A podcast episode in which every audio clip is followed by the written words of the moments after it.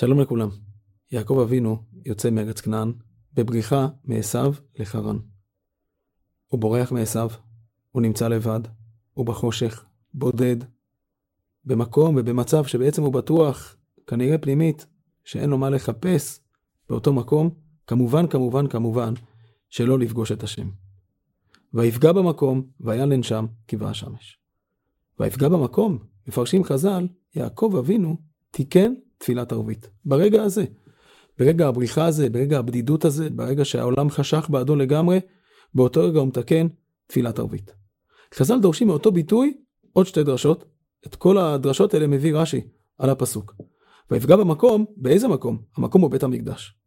וגם דרשו חז"ל שקפצה לו הדרך, ולכן במקום לכתוב ויתפלל, תפילת ערבית כתוב ויפגע, כדי ללמד אותנו בתוך הביטוי הזה עוד משהו. חוץ מהעובדה שהוא פוגש את בית המקדש וזה תפילת ערבית, זה גם קורה תוך כדי שקופצת לו הדרך. מה הקשר בין כל האירועים האלה? פגישת בית המקדש, תפילת ערבית, ועל אחת כמה וכמה לספר לנו שגם קפצה לו הדרך והכל באותו ביטוי. שפת אמת מתמקד בצירוף של הדברים האלה ומבין מפה את המשמעות של תפילת ערבית. יעקב אבינו פוגש בעצם את בית המקדש. המפגש עם בית המקדש עצמו הוא סוג של קפיצת דרך. לא בהכרח קפיצת דרך פיזית, קפיצת דרך רוחנית. יש כאן איזשהו דילוג. עלייה מעל הסדר הרגיל, התהליך הטבעי של העולם הפנימי שלו. הוא פוגש דבר שבאמת לא נמצא כאן, לא רק פיזית, גם רוחנית. עוד אין בית מקדש. הוא קופץ מעל הזמן. הוא בעצם מתרומם למפגש שהוא מעל הזמן, מעל המקום, מעל כל מה שכרגע סובב אותו ומתהווה במציאות. הוא יכול לפגוש מימד של עומק, עתידי, גם במצב שבו הוא נמצא עכשיו. אומר השפת אמת, זה בעצם מגדיר לנו מהו הכוח של תפילת ערבית. תפילת ערבית שנעשית בלילה, בחושך, בזמן שבעצם אדם כבר עוזב את העולם המיושב, הטבעי, המתנהל, המאיר, הפורח. אותה תפילה מתוקנת גם אצל יעקב במצב מקביל, במציאות של לילה.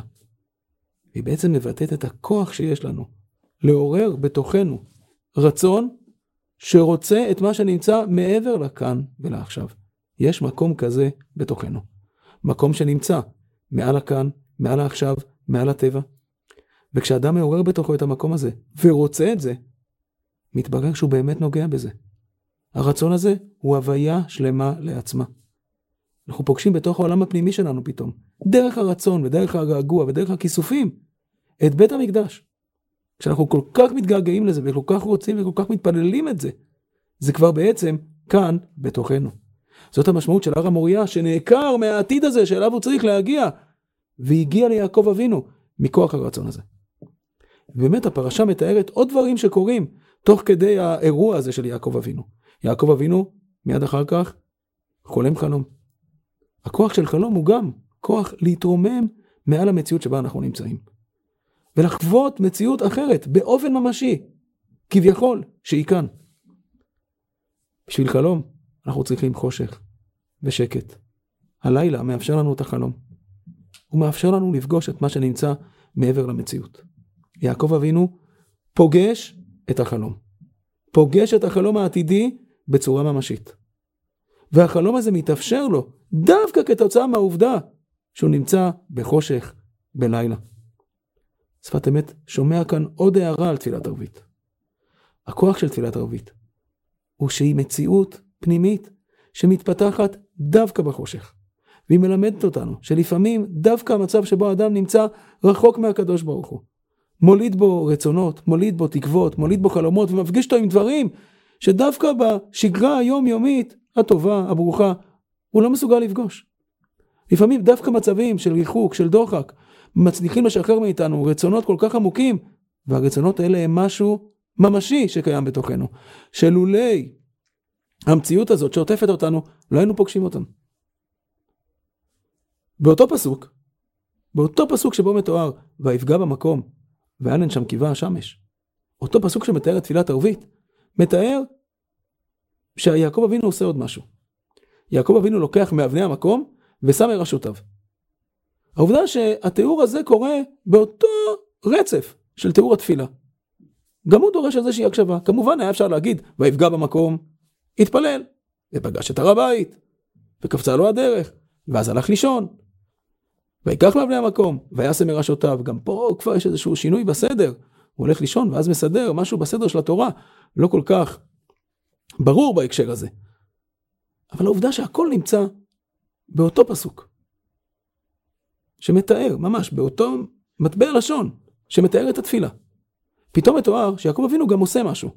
הוא מסדר פתאום את המקום שבו הוא נמצא, בצורה אחרת. זה גורם לנו להקשיב לדברים ולהבין שיכול להיות שזה עצמו חלק מהתיאור הזה של התפילה. וככה באמת השפת אמת מבין את זה. שהפסוק הזה כולו מתאר את ההתרחשות של התפילה, היא לא הסתיימה בזה שהוא פגע במקום, אלא עכשיו התורה ממשיכה לתאר לנו את כל מה שקורה כחלק מהתפילה הזאת. אז על החלום שנמצא אחר כך, כבר דיברנו, הוא חלק מהתפילה. אבל מה המשמעות של זה שיעקב אבינו מסדר פתאום את המקום אחרת? אז קודם כל נתעסק עם הפשט. יעקב אבינו היה במקום שבו הוא הרגיש חשוף לגמרי. מקום שלא אומר לו שום דבר, מקום מאיים אולי, ופתאום הוא פוגע במקום, מתפלל, והעיניים שלו נפתחות, ופתאום הוא רואה את המקום הזה אחרת. הוא מסתכל, ורואה שהמקום החשוף הזה מאפשר לו אולי לבנות שם איזשהו מערך של הגנה. רגע קודם, הוא לא ראה את זה. רגע אחרי התפילה, הוא פתאום מבין דברים על המקום שבו הוא נמצא, שהוא לא הבין קודם. קורה לנו לפעמים, שהעיניים שלנו פתאום נפתחות, ומשהו שהיה נראה לנו שטחי לחלוטין. מציאות שלא אומרת לנו שום דבר, פתאום אנחנו מסתכלים עליה, והיא אומרת לנו משהו אחר. אנחנו פתאום מסוגלים לראות בתוכה דברים שלא ראינו קודם. ויעקב אבינו שהיה חשוף, פתאום רואה שהמציאות הזאת שהוא נמצא בתוכה, יכולה להגן עליו אם הוא רק יעשה משהו קטן. העובדה שהעיניים נפתחות ומאפשרות לנו פתאום התבוננות אחרת על המקום שבו אנחנו נמצאים, היא כבר תוצאה של התפילה. התפילה פתחה ליעקב אבינו את העיניים וגרמה לו להבין אחרת את המציאות שבה הוא נמצא. ולראות אותה אחרת, ולראות שיש בה עזרים שיכולים לשמש לו. בעל החידוש הערים מרמז כאן שהאבנים הם האותיות של התפילה. זה בעצם בנוי על דברים שכתובים בספר יצירה. ספר יצירה מתאר את האותיות כאבנים, אבני בניין. לוקחים אבנים, אבני לגו כאלה קטנים, ולאט לאט מרכיבים מהם יחידות. האבנים בונות את הבתים, האותיות בונות את המילים שהן כבר צורה מסוימת שאנחנו יכולים לנסח במשמעות ולראות באיזשהו מבנה. בעל חידוש הערים מסביר, ויקח מאבני המקום, ויעשה מראשותיו. זה ביטוי איך יעקב אבינו מסדר את אבני הבניין של התפילה, מסדר את המילים של התפילה, ובעצם על ידי שהוא מסדר את המילים, הוא מספר פתאום סיפור אחר על מה שעובר עליו. ניתן לדמות את זה לתבזורת של אותיות. בואו נדמה לרגע תבזורת של אותיות, שניתן להסתכל עליה מכל מיני זוויות, ולראות איך האותיות האלה שבתבזורת מצטרפות למילים שונות. רגע אחד אדם מסתכל ורואה איך שהאותיות מתחברות ויש בתוכם קווים שונים שבונים מילים מסוימות.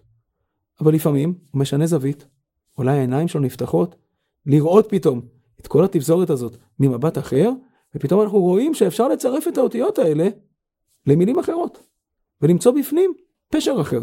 והדבר הזה, המעורבב, שרגע קודם ראינו בו חיבור מסוים של אותיות, פתאום אנחנו רואים איך שהאותיות יכולות להתחבר ולהיות צירופים אחרים, ואנחנו פתאום בתוך הבלגן הזה, בתוך הדבר חסר הפשר, מוצאים משמעות אחרת.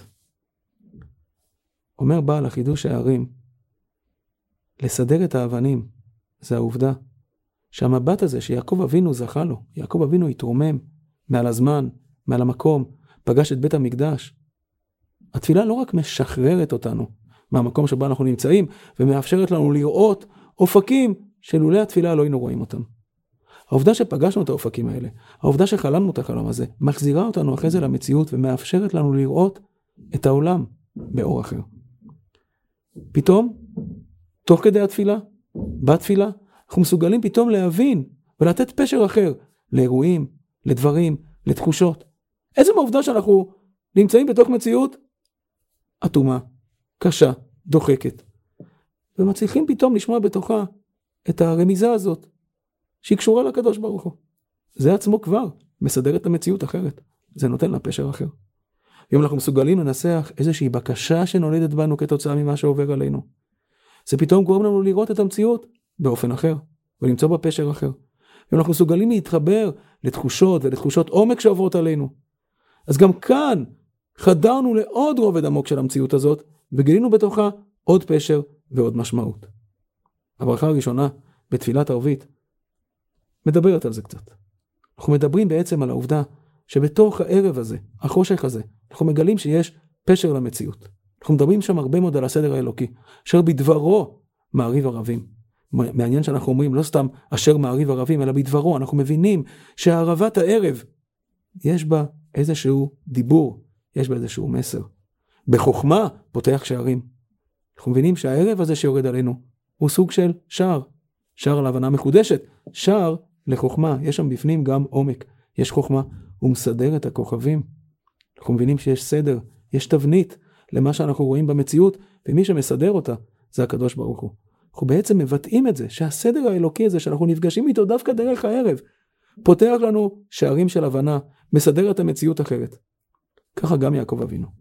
אחרי שהוא נפתח לתפילה, ופוגש את האופק הזה, את החלום, את המבט האחר המשוחרר מהמציאות שבה הוא היה עד לפני רגע, מסוגל לחזור אל המציאות ולראות שהמציאות הזאת היא לא רק כלי לבריחה למשהו מעבר, אלא אותו רצון שהוא פגש חוזר ומתגלה פה, מתוך המציאות השחורה, האפרורית, הקודרת, אולי המאיימת.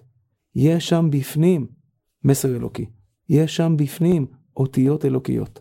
יש שם בפנים משמעות. תפילת ערבית מתקנת את התערובת ועושה ממנה סוג של פשע. נדמה לי שהדברים קשורים גם לימים שאנחנו נמצאים בהם היום. אנחנו מדברים על זה שתפילת ערבית מגלה את האור בתוך החושך. אנחנו נמצאים עכשיו גם במציאות שאנחנו מתמודדים עם שליחיו של עשו הרשע במשך הדורות. קודם כל, שליחיו גרמו לנו לגלות כוחות אדירים שמעל ומעבר לכל מה שהכרנו בתוכנו. התערובת הזאת, הערבית הזאת, הערב, החשיכה הזאת שירדה עלינו, גילתה שאנחנו מסוגלים לעשות איזשהו דילוג אדיר. ודור שבו אנחנו נמצאים, הייתה לו קפיצת הדרך. קפצנו מאיזשהו מקום שהיינו בו רגע קודם, ונתגלה לנו בית המקדש. גילינו פתאום בתוכנו כוחות אדירים של קדושה, של מסירות, של כלליות, שקפצו אלינו בלי שום הדרגה, נתגלו בלבבות שלנו כתוצאה מהרצון שנולד באנשים, אותו רצון שהתחדש באותו רגע, הזניק אותנו שנות אור מעבר למקום שבו היינו רגע קודם. אבל הדבר הזה צריך להיות המשך. ואנחנו נתפלל שהקדוש ברוך הוא יכוון, כתוצאה מהמקום הזה שבו אנחנו נמצאים, כתוצאה מהכוחות שמתגלים, יכוון את המבט, למצוא סדר חדש, ופשע חדש, ולגלות אותיות חדשות, ומילים חדשות, והרכבות חדשות, שטמונות בתוך מה שעובר כרגע על עם ישראל, ונזכה למבט חדש, ותורה חדשה, שבעזרת השם תצא ותאיר את כל המחשקים ואת המציאות שבה אנחנו נמצאים. שיהיה לנו שבת שלום ותפילה מלאה באור גם מתוך החושך.